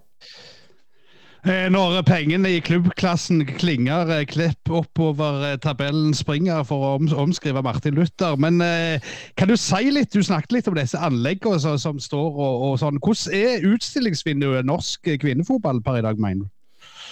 Altså I 2005 så ble det innført Jeg mener det var i 2005. Så ble det innført lisenskrav i toppserien. Da skulle alle bygge anlegg. Trond Ree, som er faren til Astrid Grøtt Ree, som er spillerutvikler hos oss, var daglig leder i Klepp på den tida, eller Klepp lite på den tida. Um, han, på første samling i Oslo i den perioden, så hadde jo Klepp allerede begynt å planlegge for å bygge. Og det var ikke én annen klubb i rommet som hadde noen planer om å sette i gang med noe bygging. De fleste bare lo. Nei, selvfølgelig kan vi ikke bruke penger på det. Nå, er det jo, nå har klubber levd så lenge på disp fra de anleggskravene at kravene til slutt har blitt fjerna. Til neste år så skal alle kamper vises på TV2 og, altså, og antageligvis kanskje noen av de på NRK. Eh, de aller fleste fra jeg vil kalle det mediokre anlegg, Klepp stadion. Alle som har vært der, vet at det er ikke kamp nå. Det er ikke det vi prater om. Men vi har et, vi har et godt anlegg som er rustet for kvinnefotballen 2021, 2022, 2023. Og det er klart, der er det klubber som har brukt mye penger på lønninger de siste 10-15 årene. Um, som har totalt gitt blaffen i de anleggskravene, og så skylder man på eierstrukturer, hvem som eier banene. Eh, for det første så er det ikke noe rett å spille i toppserien. Og jeg syns det er katastrofalt at det ikke har blitt slått eh, mer ned på. Mens eh, hvis du gjør det minste feil i en del andre krav til lisensen, så er det, det er av med hånda. Og på samme måte som klubber Det er krav til klubber om at de skal ha rekruttlag for å kunne drive en aktiv spillerekruttering. Det også er det flere klubber som ikke har hatt, bl.a. noen av de beste. Da kan man omgå det kravet om å ha en uformell samarbeidsavtale med et annet lag i regionen. Det er ikke mer verdt enn det papiret det er skrevet på. Så jeg tror, jeg tror kvinnefotballen har hatt en, hatt en, eventyrlig vekst de siste årene, men det er underliggende problemer rundt det produktet som, som ikke har blitt løfta fram nok. Og én eh, ting er at ikke alle kunne bygge en stadion til 25 millioner med en gang alle forstår det. Uh, og, og, ja, noen ganger så er det, det er sånn og sånn utfordring. Og alle har unnskyldninger. Men man kunne i hvert fall tvunget klubber til å sette av midler hvert år, eller begrense hvor mye prosent av budsjettet ditt du kan bruke på proffkontrakter. Uh, for der har det ikke vært noe problem. Der, der, ned til La Manga på treningsleir. Har du også lyst til å være med? Ikke noe problem. Her er det penger. Men når det kommer til anlegg Nei, nei, kommunen. Uff, det funker kjempedårlig. Ja, riktig. Så jeg tror jo TV 2 kommer til å være rimelig skeptiske til å filme en del av kampene til neste år på en del av de anleggene som er. Men, Tom, Thomas, jeg har lyst, lyst til å spørre deg litt her. altså eh, To tanker her. altså Det ene er jo at du kan føle eh, noen ganger at når du sier disse tingene, så, så handler i media at fortellingen om norsk kvinnefotball skal utelukkende være en slags positiv fortelling. Og for det andre, er han ikke virkelig mål først når media begynner å skrive om kvinnefotball på samme måte som skriver om herrefotball, altså tar opp dette problemet med anlegg og eh, tar opp disse herrene overforbruk osv. Eh, hadde det vært en, en herreklubb, eller, eller vi, vi kan trenger ikke gå langt i, i verken nord eller sør for å se, se den historien har, har føket gjennom avisen både én og to og tre ganger. altså er det et problem der at en bare skal levere såkalte gladsaker? Ja, på en måte så kan det nok så kan det nok være det. Um, og, og, det er klart nå um, en, en, del klubber burde nok blitt stilt litt mer til veggs rundt dette, og konfrontert med hvorfor man ikke har valgt å gjøre noen form for investeringer på anleggssida, og i stedet, som du sier, lager saker om at uh, her er spillerne så flinke fordi de står på så mye for så dårlig lønn. Altså, ja da, lønna i kvinnefotballen den er ikke høy, men den er høyere enn så å si alle andre lagidretter i Norge. Sånn at um, Og hvis vi skal hvis vi ønsker å bli tatt seriøst, vi ønsker å bli behandla profesjonelt, så må vi også være profesjonelle selv. Og det gjelder spillere, det gjelder trenere, det gjelder ledere i klubber. Alle sammen som har med produktet å gjøre. Så, så jeg tror at vi må, vi må, tørre å rette en kritisk pekefinger mot oss selv òg. Men det er det for all del veldig, veldig mange som gjør. Og, og, um, og, og når vi er på samlinger i Oslo med, med, disse forskjellige klubbene, så er, mange, så er, det mye tøffe diskusjoner internt i kvinnefotballen. Det skal sies. Og det er, det er god takhøyde der. Men at noen i media Det kanskje skulle vært gjort noen grundigere eh, Hva skal vi si Om ikke analyse, men, men ja, litt tøffere spørsmål noen ganger. Det, det tror jeg. Men er det litt sånn litt politisk, det, så det er bare for å ta litt videre det som er inne på, at, at det skal være litt sånn feel good, at det skal liksom jentene skal ikke pirke på deg, for da blir det sånn og sånn. Eller, eller oppfatter ikke du sånn? Når du har vært leder i ti år, har du fått noen sånn skikkelig gravende spørsmål og vært litt sånn tøffe journalister på deg?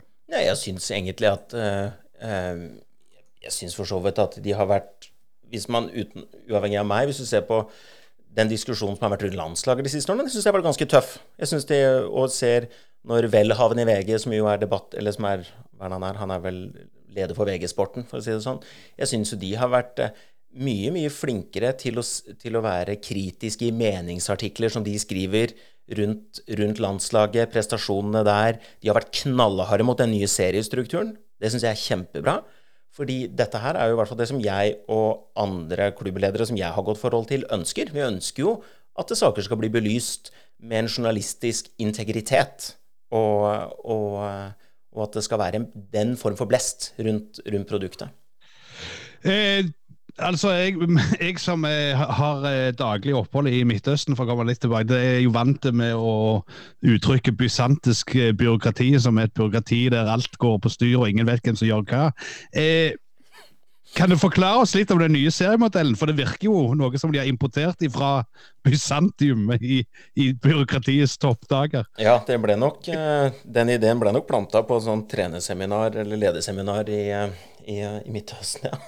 Um, Nei, det er et, eh, et, seriesystem som skulle vært innført i 2020, men som pga. korona har vært utsatt ved to anledninger. Um, nå er det sånn at For å bare ta toppserien først, da, så skal alle lagene i toppserien møte hverandre to ganger. Så på slutten av eh, på slutten av det grunnspillet, som det kalles, så går de fire øverste lagene inn i en mesterskapsserie hvor de vel møter hverandre to ganger til. Jeg mener det er to ganger til.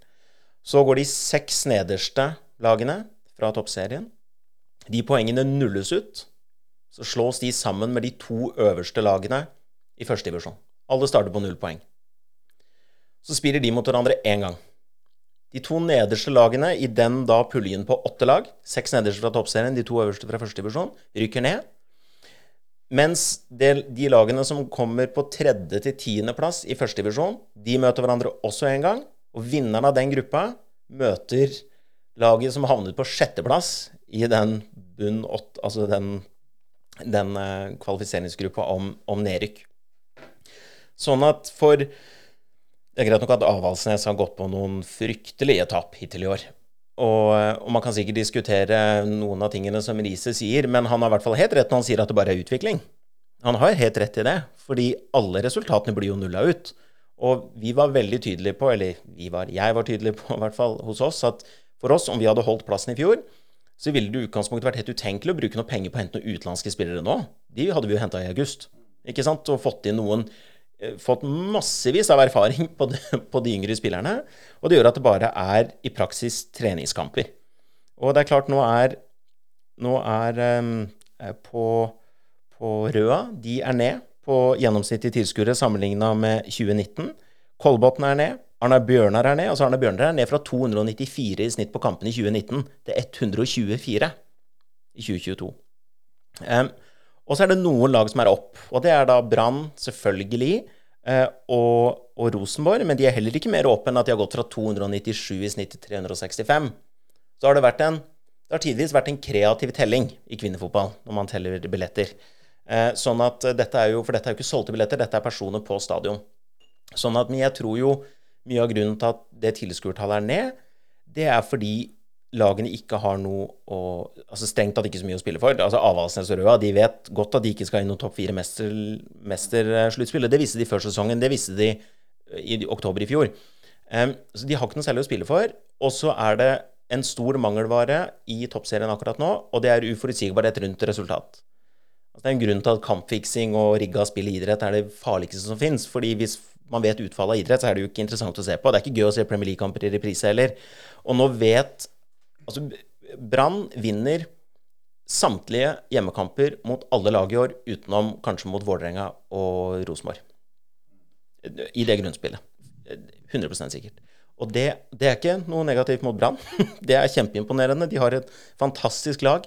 Eh, og de har gjort, de som har jobbet i Sandviken og nå Brann, de har gjort så mye rett, så de får tommel opp. Men jeg tror produktet av at man både får ekstreme forskjeller i ligaen, og du som sagt får det skillet at ja, det er litt kamp om den fjerdeplassen nå, men alle vet at Vålerenga kommer til å være på topp tre. Alle vet at Rosenborg gjør det, og Brann. Så, så, tror jeg at det er veldig Jeg tror også det er kjedelig for mange tilskuere. Og så tror jeg at det vil over tid, med dette ligasystemet, så vil det også tære på de organisasjonene som er blant de ikke så gode laga.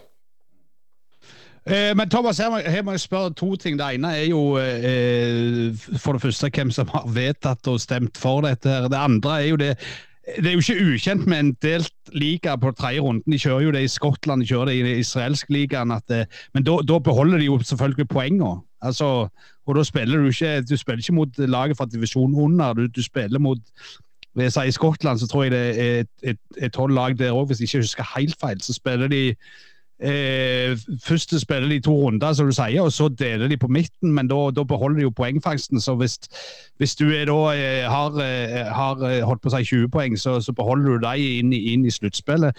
Eh, men, men, er dette en sånn særnorsk modell? og Nå får jeg sånn vibbe tilbake til den gangen han skulle ha de der straffesparkene i, i, i Tippeligaen for å avgjøre uavgjortkamper. Det var jo sånn genistrek så han der Tom A. Skanke kom opp med i sin tid. Mm. Altså, Er det bare Norge som klarer å finne på noe sånt?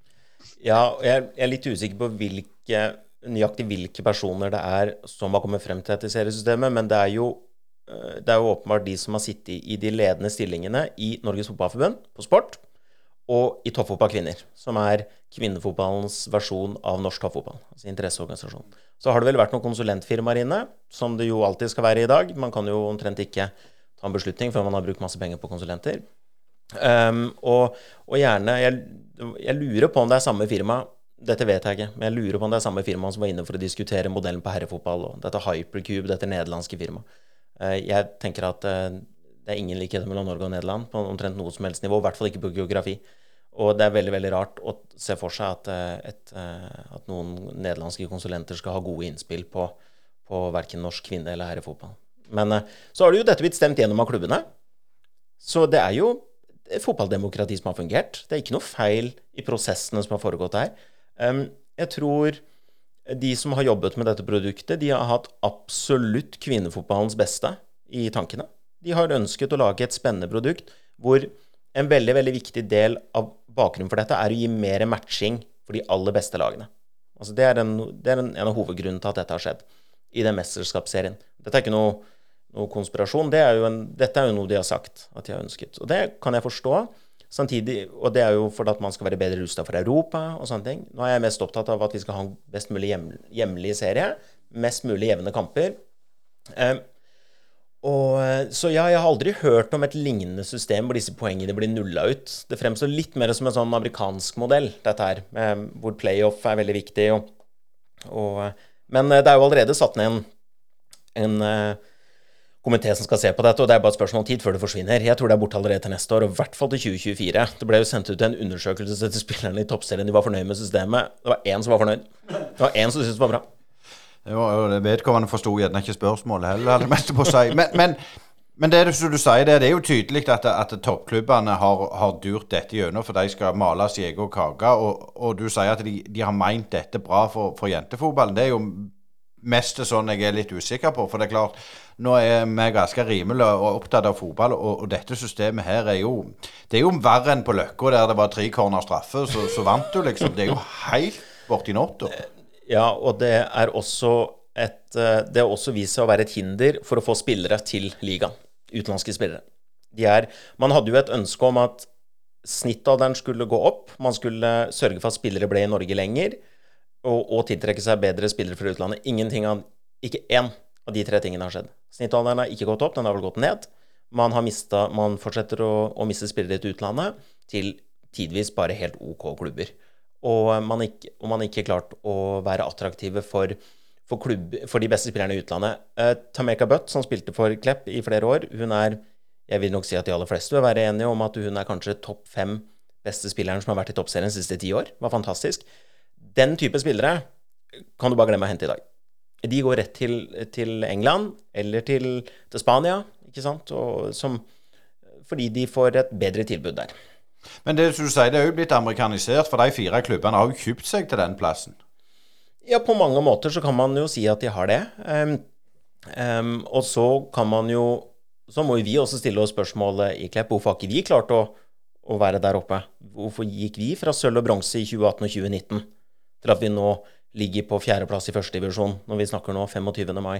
Sånn at um, uh, Og altså det som i hvert fall har skjedd da, i, i Brann og i Rosenborg, er at hverdagen for spillerne i de troppene er mye bedre enn det de var før. Og det er en veldig, veldig positiv ting. Og det må vi Så det er veldig viktig Jeg vet at det ikke var det du mente i det hele tatt, men det er veldig viktig at vi i Klepp og andre klubber som nå ikke er der oppe og, og spiser kirsebær med de store, vi må ikke bli bitre. For det er, det er gift i en sånn utviklingsprosess som kvinnefotballen er i nå. Eh, Thomas, du, du, er jo litt sånn eh, ikke, ja, Ugersk er du selvfølgelig, du kommer jo ikke fra Jæren, men du, du, er jo litt sånn, småreaksjonær òg. Jeg, jeg, liker litt den der stilen din. Er, er, det, er, det, noe du alltid har vært? Jeg, jeg, vet ikke. Um, jeg, jeg, vet ikke engang at jeg er det. Men, um, men uh, ja, har, jeg har vel kanskje alltid vært det. Ja. Så, men jeg har jo jobba ti år på Jæren, så jeg spiser jo mye farse. Ja, det, det, var, det var dagens reklame. Men, men eh, jeg skal, jeg skal, det jeg tenkte på litt eh, videre med Du sier at dere må tenke litt nytt, eh, komme opp med andre ting osv. Kan du si litt grann om, om ståa på rekrutteringsgrunnlaget? For det er noe som jeg er veldig opptatt av. at Pyramiden for jentefotballen er jo mindre enn for herrefotballen. Mm. Jeg vet min bror trener et, et, et lag eh, ned gjennom i, i 13-årsalderen. Og jeg mener å huske at han sa en gang for noen år siden, når, de spilte femmerfotball, at det var vel seks guttelag og to jentelag. Nå er de slått i sammen to jentelag allerede. altså Covid skal jo også ha, ha noe av skylden, selvfølgelig. men altså det tunnes ut i rekkene på guttene òg, men, men, det går seinere enn så jentene, virker det som. Er, er det et problem for rekrutteringa at eh, så mange forsvinner så relativt tidlig? Og hva kan dere gjøre for å hjelpe de rundt til, til en bedre hverdag? Ja, jeg, altså Det som i hvert fall er tilfellet, det er det at uh, jentefotballmiljøene de er mye skjørere enn de er på, de er på guttesiden. Altså Det er rett og slett en god del flere som spiller ungdomsfotball på guttesiden enn på jentesiden. Det gjør også at den rekrutteringspyramiden, som du sier, det, du får færre spillere å rekruttere fra. Altså, så det er klart, Skal du rekruttere toppspillere ut av et utvalg på 100 kontra 1000, så får du flere hvis du kan rekruttere ut fra 1000. Altså, så, så enkelt er det. Og, og, det gjør det at det å hente spillere tidlig i jentefotballen, da står du alltid i en veldig veldig stor risiko for å rive ned de miljøene som de, de spillerne nå opererer i. Det kan være om det er i Vi ser sånn som Forus og Gausel vi har jo henta ganske mange spillere derfra. De hadde jo et fantastisk lag. De var jo i jente 16 NM-finalen. Uh, nå, de, nå De kommer ikke til å være i jente 16 NM-finalen i år. Uh, vi har sett det samme på, på altså Vold i, i, Klepp. De hadde jo et fantastisk jentelag hvor flere, flere, av spillerne har spilt toppseriekamper i ettertid. Så, og så ser vi jo sånn som nå har Klepp to jente 14-lag påmeldt i seriesystemet. Et jente 14-1 og et jente 14-2. Vålerenga har ett lag. Jente 14. Um, I Stor-Oslo så bor det vel 900 000 mennesker. Nå er på en måte ingen måte Vålerenga alene i den byen der. Men det sier allikevel litt. Altså, Vålerenga har ett lag. Og det er, altså, det er veldig veldig mange jenter som spiller fotball i Norge. Men, du, også, men man prater om på, på guttesida så prater man alltid om at klubbene skal være kompetansesentre og, og, og, på en måte sånn regionens litt sånn fotballhovedsteder, da, hvis man satser på kvinnefotball. Og eller om du satser på guttefotball. Og det, er, og det er noen ganger bare sånn fancy slides i en powerpoint.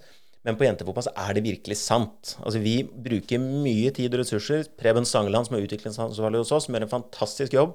Så flink på å være ute og knytte kontakter til trenere i andre klubber, klubbledere.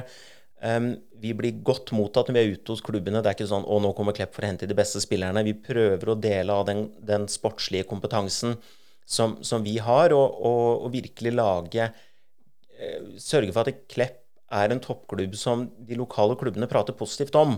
Og så kan det godt hende at eh, folk vil si at dette er helt feil, men det føler jeg at de gjør. Og det er veldig viktig. Og når vi har vunnet Jenter 19-NM òg, så har vi alltid har de som har med sosiale medier å gjøre hos oss, alltid tagga disse andre klubbene, inkludert dem. Det er ikke noe vi gjør som en sånn markedsføringsstunt. Det mener vi virkelig. Altså, vi er veldig avhengig av å ha med alle klubbene rundt oss. På samme måte som de er det i Bergen, de er avhengig av det i Trondheim, de er avhengig av det i Tromsø, Bodø. Altså, vi, er vi, er et stort land geografisk, men, men det er ganske få mennesker. Så det er den rekrutteringspyramiden, den er krevende. Og vi ser klubber hente spillere tidligere og tidligere nå. Så kan man diskutere om det er positivt eller ikke. Det, men eh, vi må nok kanskje prøve å hente spillere fra litt andre steder i Norge også. Gjerne som kommer her og går på videregående. Det er nok en, en definitivt en vei å gå, og det er noe som vi, som vi jobber en del med. Men, men, kan du si litt om, om, om nivåforskjellene på, på eh, der dere befinner dere i dag, eh, og, kontra si to hakk ned? Altså, hvor, hvor, stort er gapet mellom nivå to og nivå fire, f.eks.? For, for dere hadde vel et lag på nivå fire i samarbeid med, med Havtur og ja. Det er må på meg. Ja, da, men vi hadde, vi, hadde, vi hadde, vel nå For to år siden så hadde vi vel faktisk fire lag påmeldt senior. Nå har vi to Nei, sorry, nå har vi tre. Vi har ett lag i første divisjon, ett i andre og ett i tredje. Uh, nivåforskjellen er veldig veldig stor. Den er mye mye større enn på herresiden. Mye større. Um, Viking de vinner jo Mest sannsynlig så vinner Viking alle sine kamper i andre divisjon i, i, i, år. Um, og uh, der er forskjellen Altså, det vil være helt utenkelig at et andredivisjonslag på kvinnesiden f.eks. skulle komme seg til en 16-del eller en kvartfinale i NM. Helt utenkelig. Kom, altså, en kvartfinale i år, et andredivisjonslag Null prosent mulighet. Med mindre de bare skulle møte andredivisjonslag på veien. Det tviler jeg på. Bryne har gjort enormt mye bra på jentesida i forhold til spillere de har rekruttert i sin klubb. Sofie Bjørnsen, som er nå, Tuva Hansen, Hege Tærland Jeg vil egentlig ikke nevne for det, for jeg har ikke lyst til å glemme noen. For de har vært veldig dyktige på det. Vi møter dem i cupen nå, vi vinner 7-0. Og og da, man, og da, stiller man ikke med et, kall det et toppet lag. Altså man, man roterer mye. Og det er én divisjons forskjell. Um, sånn at um, Og det er rett og slett at de som Og det går litt på den pyramiden. Det er færre å velge fra. Altså det er, det er færre spillere som, som, virkelig satser, og da får du de nivåforskjellene der. Men det som har sagt, nå ser vi jo Sandnes Ulf. De har jo òg eh, holdt på å si prøvd å lage et jentelag. Viking holder på, Bryne prøver. Den der, den der, eh, dynamikken og den pyramiden der, føler du den har vært i stor endring de siste to-tre åra? Den største endringen der er Viking, i den dynamikken der. Um, um, det er Og så er det sånn at på Man ser jo det på herresiden nå. Altså, det er jo ikke sånn at alle kan få topplag på herresiden noe sted i Norge. Og hvis vi tenker at vi skal ha solide miljøer for å spille i si, en av de to øverste divisjonene Du skal lage toppserien i første divisjon på Bryne, på Klepp, på Sandnes og Viking. Altså, det er jo helt Det er totalt utenkelig. Altså, det kommer aldri til å skje. Eh, og eh, man, man eh, Altså, Arna Bjørnar kjempe, altså, De har jo falt langt bak Brann nå, men de er kjempeflinke. De er veldig dyktige, og, og, masse dyktige folk. Men det er klart, de sliter jo med å holde seg, må seg oppe, de òg. Selv om jeg ikke tror det er noe feil med økonomien, eller noen ting, men det er klart, de merker den konkurransen. I Trondheim er det ett lag. I Bodø er det ett lag i første divisjon. Tromsø er det ett lag i første divisjon.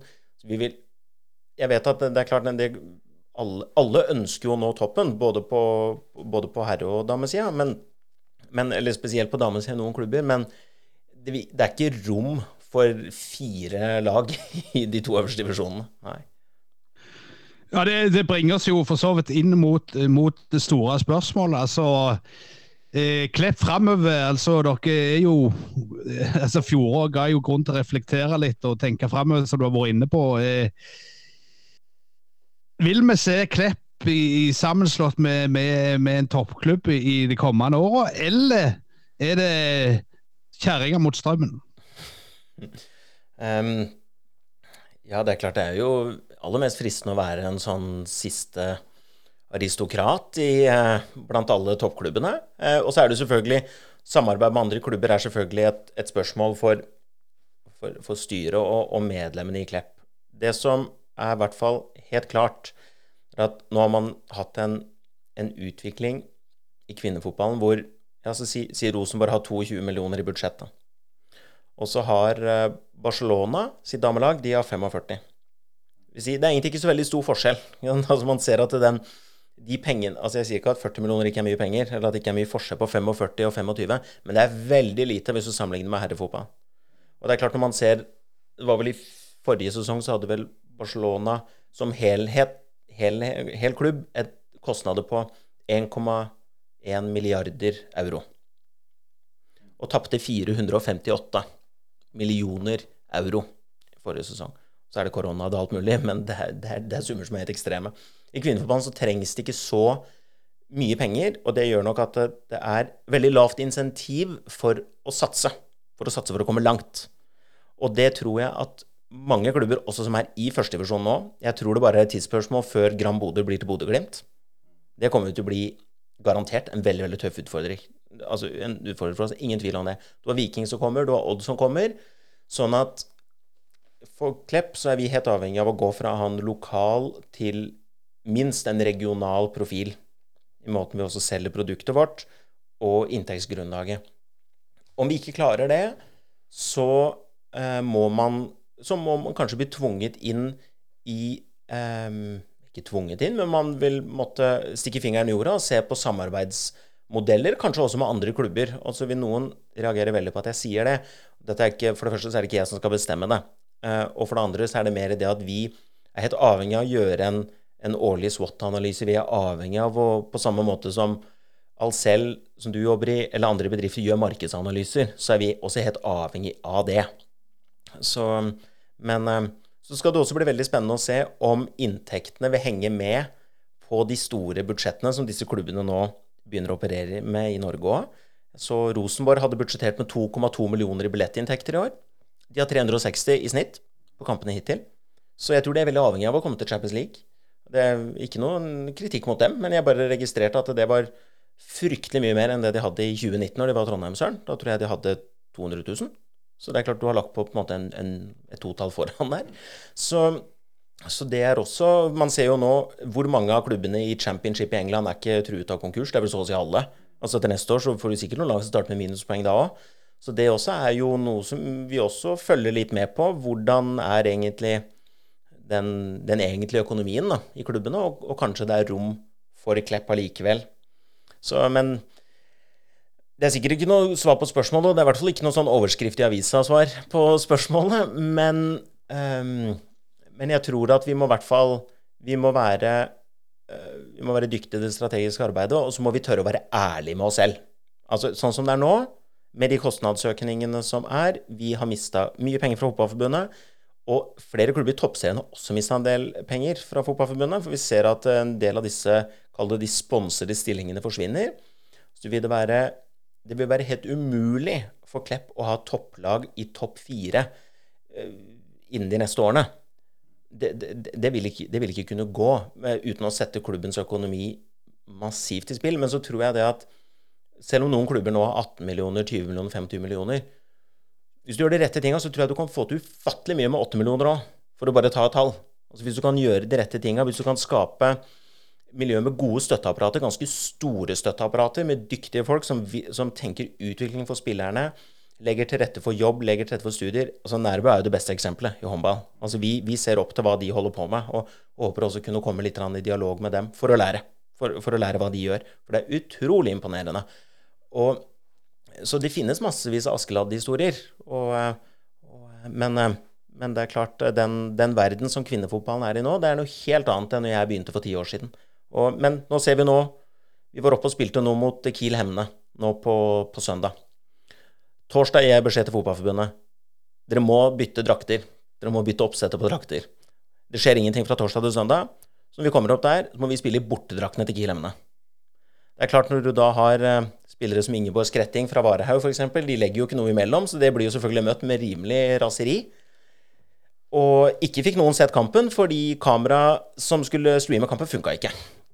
Så vi spiller i bortelagets drakter eh, og eh, uten TV-overføring. Altså, det er veldig lov til å gjøre feil. Vi har gjort masse feil i Klepp. Jeg gjør feil hele tida. Vi kunne hatt en egen podkast om det. Men det er Tidvis er det elendig. Og når du blir møtt med det Vi spiller mot Åsane borte, får straffespark imot, spør om en forklaring. Spilleren, nei, hun spilleren din hun tok så hardt i. Så måtte dømme straffe. Ok. Så jeg føler vi har Vi merker at vi En ting er at du merker at du har rykka ned i forhold til de, den økonomiske situasjonen fra Fotballforbundet, men vi merker at vi har rykka ned utenfor banen nå. Det må, det må jeg si. Men når, når, det er sagt, for det må bare nevnes altså De menneskene som du møter rundt i disse klubbene, det er i 99% av tilfellene superhyggelige mennesker som ønsker å legge til rette for gode miljøer for jentene, ofte i steder hvor det har vært null muligheter for de jentene. Så det er, det er ikke noe kritikk mot dem, men det er også Skal vi ha et produkt til neste år hvor du skal filme, du skal filme kamper, så må vi ha ordentlige stadioner, og ikke lag som løper rundt i, med, med bortelagets sponsorer på seg. Altså, du, du, hva er det vi holder, helt ærlig, hva er det vi holder på med? Eh, du, du, du, kjenner jo til den, berømte fotballranten fra England, 'You Got No History', så, som blir sunget av og til til sånne nyrike klubber. Eh, er det òg noe som, som, du har tenkt over i, i, i i fotball, damefotball-Norge? Altså at en plutselig har fullt av lag som er forbindt med, med herrelag, og, og, og at eh, navn som en gang klang, som, som du så nevnte, Trondheimsørner eller Arna-bjørner eller altså, De har bare fordufta ut som, som, de aldri har eksistert. altså en i ferd med å prøve I den iveren til å slå sammen herre- og damefotball, så, så mister damefotball litt sin egen sjel òg? Ja, man mister nok kanskje litt, litt, sjel. Man gjør nok kanskje det. Også, men det var noe Når, når Sandviken ble til Brann, så ble og, det var, og det var en veldig veldig god prosess. De gjorde en grundig prosess. Så så jeg en kommentarfelt på Facebook, som selvfølgelig er dårligste kilden som fins eh, i verden. Men eh, da var det jo mange som skrev at historien om Samviken vil aldri bli glemt, og, og alle vil huske arbeidet som ble lagt ned der. Men selvfølgelig vil ikke en uh, spiller som nå er åtte år og skal spille for Brann om ti år, ha noe forhold til Sandviken. De, de, vil ikke engang vite at det har vært en klubb. Det er ikke noe feil med det, men det er nok bare et, et faktum. Sånn at F.eks. Altså LSK Kvinner, som jo var, var Strømmen før, og, og, og, disse klubbene, de, de forsvinner jo. Og, og, jeg tror jo det er klart at Røa som klubb, som jo har vært en av pionerene i kvinnefotballen og vært utrolig flinke, har hatt samme treneren fra dag én òg. Eh, Jeg tror nok de sitter og har de samme diskusjonene i sine styremøter som det vi har i Klepp, uavhengig av at vi er i forskjellige divisjoner, og ser den trusselen som kommer utenfra. Og kommer det til å miste litt av identiteten? Ja, kanskje. Men når vi nå ser på eh, Champions League-finale med fullsatte tribuner, eh, de spiller FA-cupfinale i England foran mer eller mindre et fullt Wembley, så tenker jeg at den nye identiteten er bedre for spilleren og bedre for produktet. Så vi, skal ha nostalgi.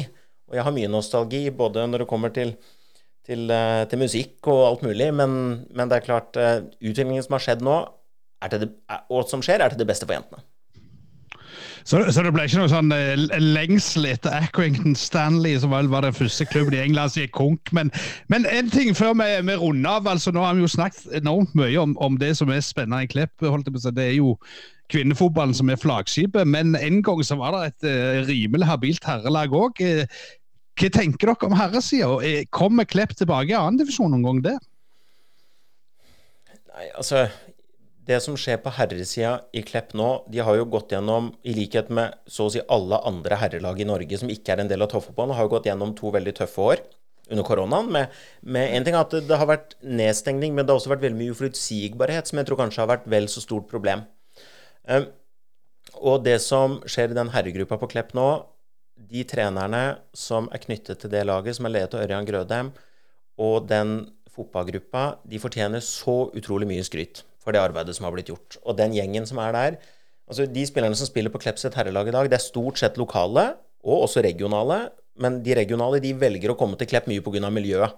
Da snakker vi ikke nødvendigvis bare om garderobemiljø, du snakker også om et utviklingsmiljø, for all del, men en totalpakke. Det finnes ikke en eneste krone i kjøregodtgjørelse på Klepp sitt herrelag. De er der fordi de ønsker å representere Klepp IL. Og um, så var det et tøft resultat nå mot Varhaug sist, etter en veldig, veldig god start alle visste at det kom til å bli en tøff kamp. Forhåpentligvis så klarer man å snu det i, i kampen etter. Jeg tror nok at uh, det er jo selvfølgelig et ønske om at man skal klare å kjempe i toppen om et opprykk til, til, til tredjedivisjon. Man ønsker jo gjerne å være det nest beste laget på Jæren bak Bryne. Det er jo det Klepp har vært tradis tradisjonsrikt.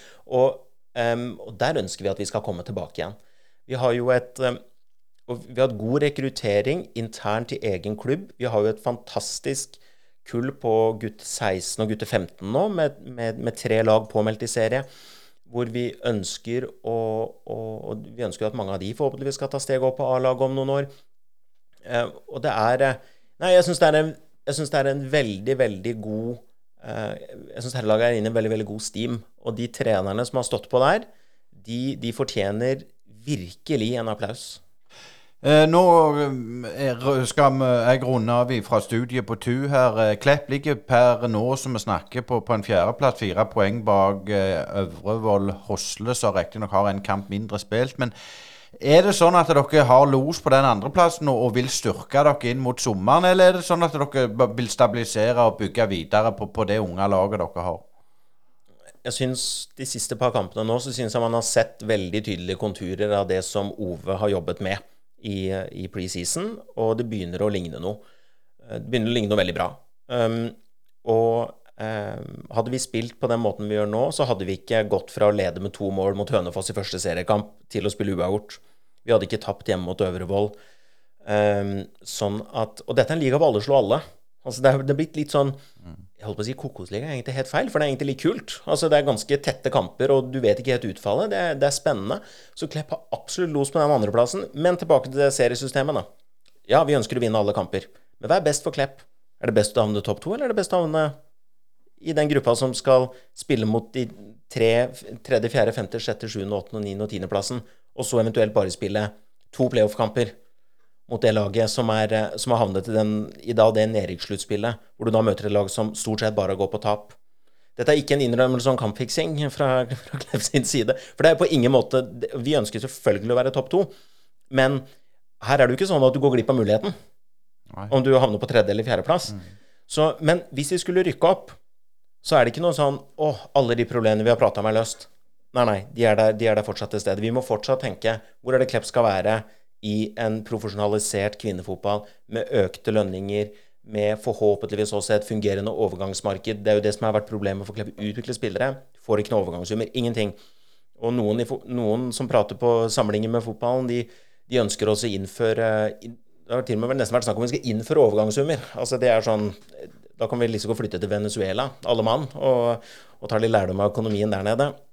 Så, så det er eh, Men det er ingen tvil om at det er uforutsigbart hvordan kvinnefotballen vil utvikle seg. Det er uforutsigbart hvordan TV-avtalen vil slå inn til neste år. Vil det føre til fullsatte tribuner, eller vil det føre til enorme utfordringer på anlegg? Sånn at det er litt sånn litt sånn svømme med haier for tiden. Du må, du må, du må finne en sånn en, ro, en rolig stim imellom. Sånn. Det var utrolig bra å ha deg. Det var, det var ikke summing vi holdt på med, det var vel eh, crawling, som det heter. Thomas Langholm eh, fra Klepp. Eh, Kvinner elite, og du er jo selvfølgelig daglig leder for, for hele klubben. Tusen hjertelig takk for du stilte opp i, i Brynepoddene nok en gang. Tusen takk. Brynepoddene de kan du følge med i våre sosiale medier. Det må vi alltid informere om på eh, Twitter, YouTube, eh, Instagram. Eh, Facebook, selvfølgelig. Og Asker, vi har jo òg fått ei fin hjemmeside som heter brynepodden.no podbean.com. Eh, den anbefaler vi folk å gå inn i arkivet og høre hva vi har lagd tidligere. Ja, mye kjekke ting der. Eh, ting som er historiske, ting som er aktuelle. Så, så litt god blanding. og vi håper jo at det holdt på å si, i året som kommer, kommer til å ligge der, og, og der folk kan klikke seg inn og høre på ting. F.eks. når man snakker med noen av de gamle heltene til Bryne, eller andre baluba-ting som har gjort. Det er jo alltid kjekt å høre. Og Balupa det var der eh, ikke i Klepp idrettslag. Det virker som Thomas Langholm Engen hadde eh, god kontroll og visste Altså Det er det med know your enemy, skulle jeg til å si. Og det, det virker som de har, har, god kontroll på hva som er klubben sin utfordring framover. Det er jo en god eh, start, iallfall. Ja, Det er veldig god egenskap, og, og Thomas har jo jobba mye stille i, i mange år. Og, men det som var litt hårreisende, det er jo dette seriesystemet, så det høres helt vanvittig ut. Ja, det er jo eh, Hvorfor gjøre det vanskelig når du kan gjøre det enkelt, sånn så? Det er helt Er det lov å si at det er helt på trynet? Ja, altså det, er jo sånn at ingen kamper omtrent teller før, før sluttspillet. Så, så, det er jo litt uh, rar tankegang. Så jeg forstår ikke hvordan det skal være med å jekke opp ligaen. Altså, det er andre ligaer òg, som jeg sier, som har uh, som har sluttspill, men da teller jo poengene en har sanka på, på, våren eh, først. Men så går vi jo over når Bryne går ut i, i en ferie. og de, de holdt på å si, Øystein, De går jo mest på ferie der de har starta de to siste åra. Ja, stemmer det. Det er helt riktig. Men de har jo fått en skikkelig boost i, i slutten. og Sandnes Ulf òg fikk jo en seier nå sist, så de òg er på gang. Eh, vi kan jo òg nevne at Klepp tapte jo faktisk mot Uh, Kiel Hemne nå i, i helga, så de ligger på som jeg sa eh, i introen på en, en fjerdeplass. og Det er klart det, det er tøffe tak uh, der på, for Jærfotballen og Rogalandsfotballen. Men det er greit, det er gøy. Vi skal følge med framover òg. Ja, det er vel noen noe Post Nord-kamper som kommer til å rulle i går, regner jeg med. Så vi, vi skal ha et øye på dem. Og så skal vi ha mye spennende gjester selv om vi går i en ferieperiode. Vi har planene klar, og vi gleder oss til fortsettelsen. Takk for du hørte på Brynepoddene. Litt dypere lyden av sport. Brynepoddene.